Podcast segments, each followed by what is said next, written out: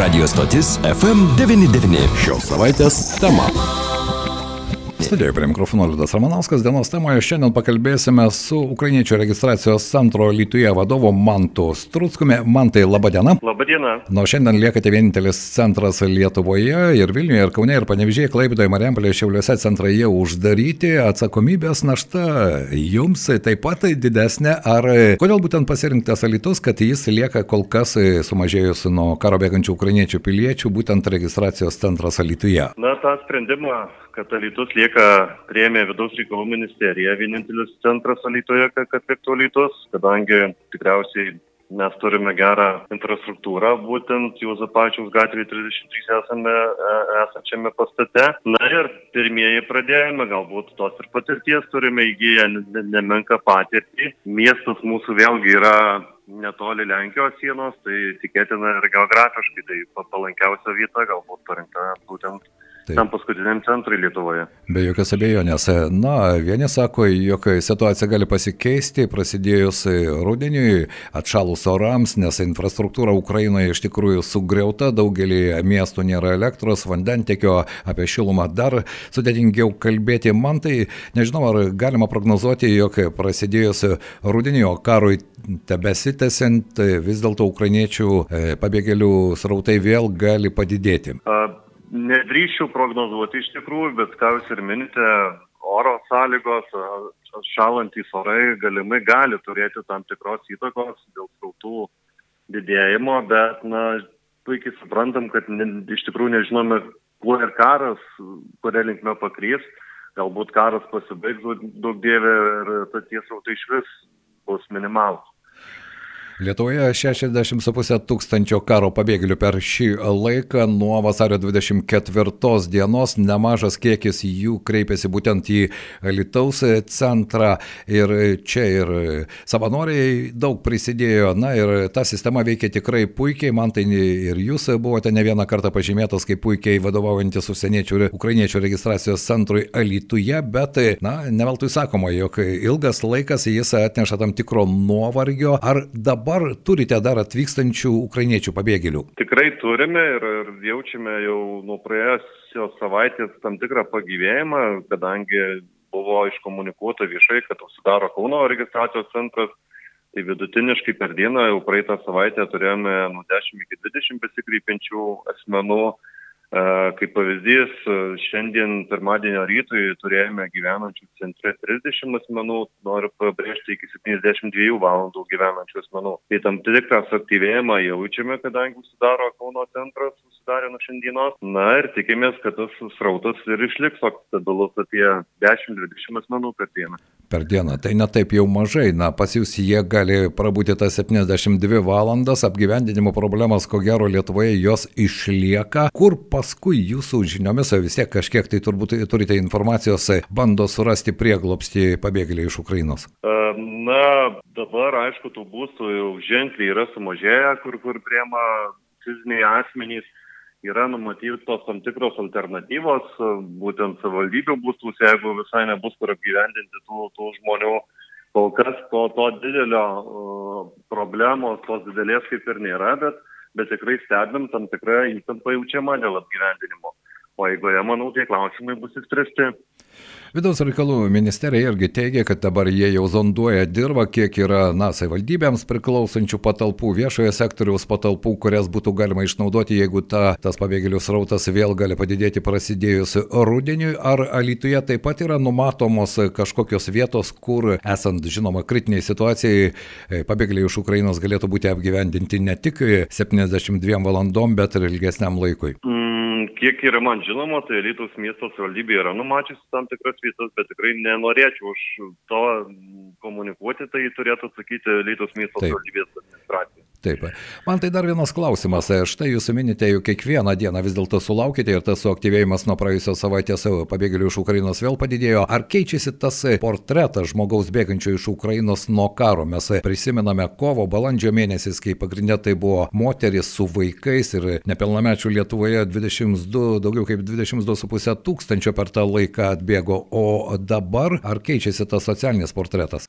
Socialinis portretas šiek tiek, galima sakyti, yra pasikeitęs. Dabar stebime daugiau vien tik moterų galbūt atvykimą, didėja truputį skaičius ir vyrų bent jau pas mus centre, mažėja, mažėja vaikų, ypač vaikų nuo, nuo iki trijų metų, tai tas skaičius tikrai sumažėjęs, na tikriausiai natūralu dėl to, kad pirmosiamis karo dienomis žmonės bėgo būtent su mažais vaikais, dabar su mažais vaikais bėgančių yra mažuma. Kur kas mažiau, aišku, bet atsirado ir vyrų.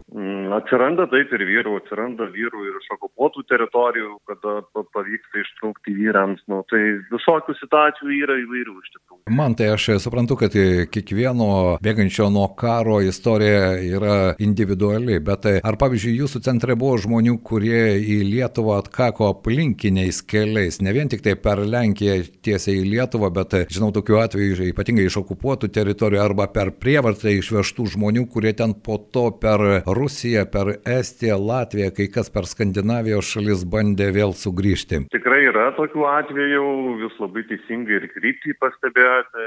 Ir tų atvejų skaičius po truputį kreivė, pavadinkime taip, tyla į viršų, nes natūralu, kaip jūs ir sakėte, iš okupuotų teritorijų vienintelis kelias žmonėms lieka per, per Rusiją ir tada prasibrauti į Europos Sąjungą kitais keliais.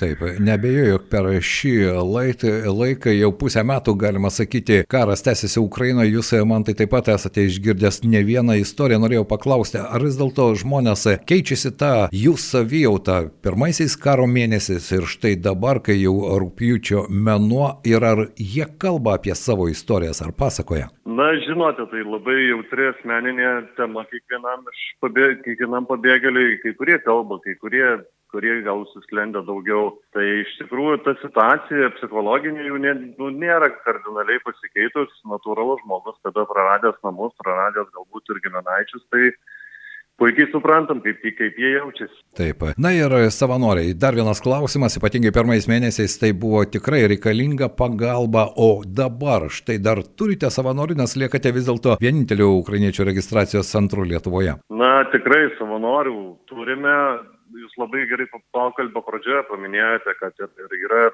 pavargusių, pervargusių, turime ir tokių, kurie po to stogavo, vėl sugrįžta savanoriai ir iš tikrųjų labai džiaugiamės, kad Alytus toks vieningas ir, ir tikrai tie savanorių atsiranda ir manome, kad tikrai jų atsiras, jeigu tik reikės ir daugiau. Bet įsijungia ir nauji žmonės, ar vis dėlto tie patys, kaip jūs sakote, pailsėję, šiek tiek atsigavę, patostogavę, vėl sugrįžta ištiesti pagalbos ranką?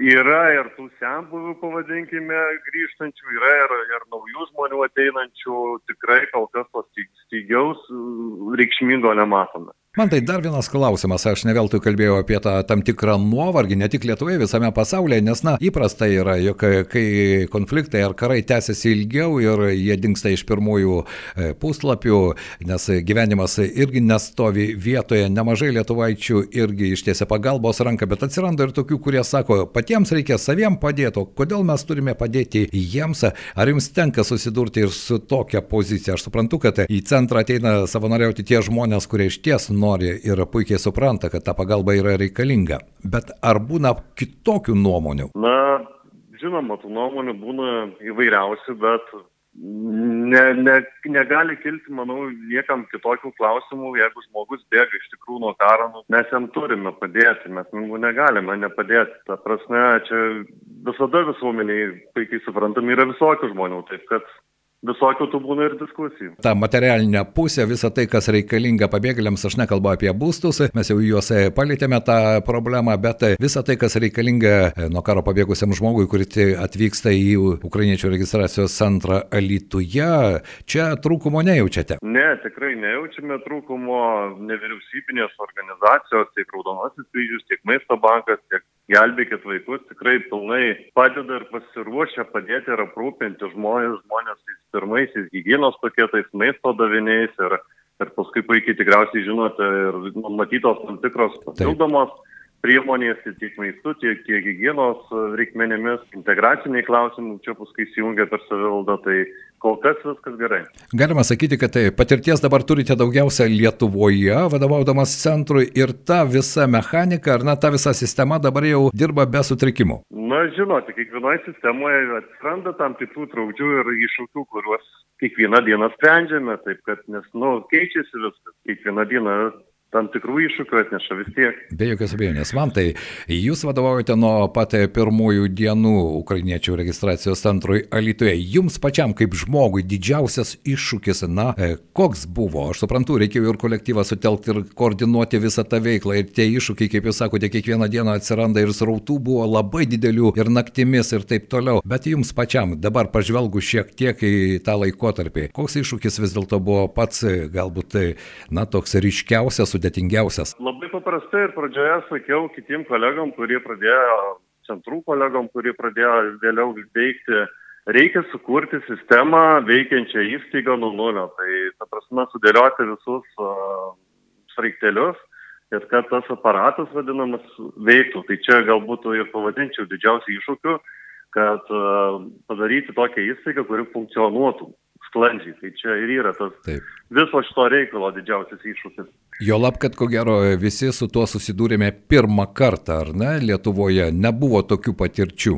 Na, manau, ne, tokių patirčių kol kas dar neturėjome Lietuvoje. Kągi, nesinorėtų, kad jos tos patirtis tokios testusi. Man tai šiandien noriu padėkoti Jums. Suprantu, kad šiandien turėsite daug žiniasklaidos dėmesio, ko gero, nes liekate vienintelis registracijos centras Lietuvoje ir vienintelis jo vadovas. Ačiū Jums šiandien už galimybę pabendrauti ir išgirsti operatyvę informaciją. Ačiū Jums. Dėkui Jums. Iki. iki. Mūsų pašnekovas buvo užsieniečių registracijos centro Lietuvoje, o jis dabar, kaip jau minėjau, lieka vienintis Lietuvoje vadovas Mantas Trutskus ir jo mintis. Kaip matome, pabėgėlių srautai nuo praėjusios savaitės vėl stabilizavosi, bet jie po truputį didėja ir kalbant apie artėjantį rudenį, o laikas bėga vasaros metu labai greitai, ko gero sunku prognozuoti, kaipgi situacija keisis. Apie tai, žinoma, mes visada informuosime jūs ir radio stoties FM99 eterėje studijoje prie mikrofono Liudas Ramanauskas. Radio stotis FM99. Šios savaitės tema.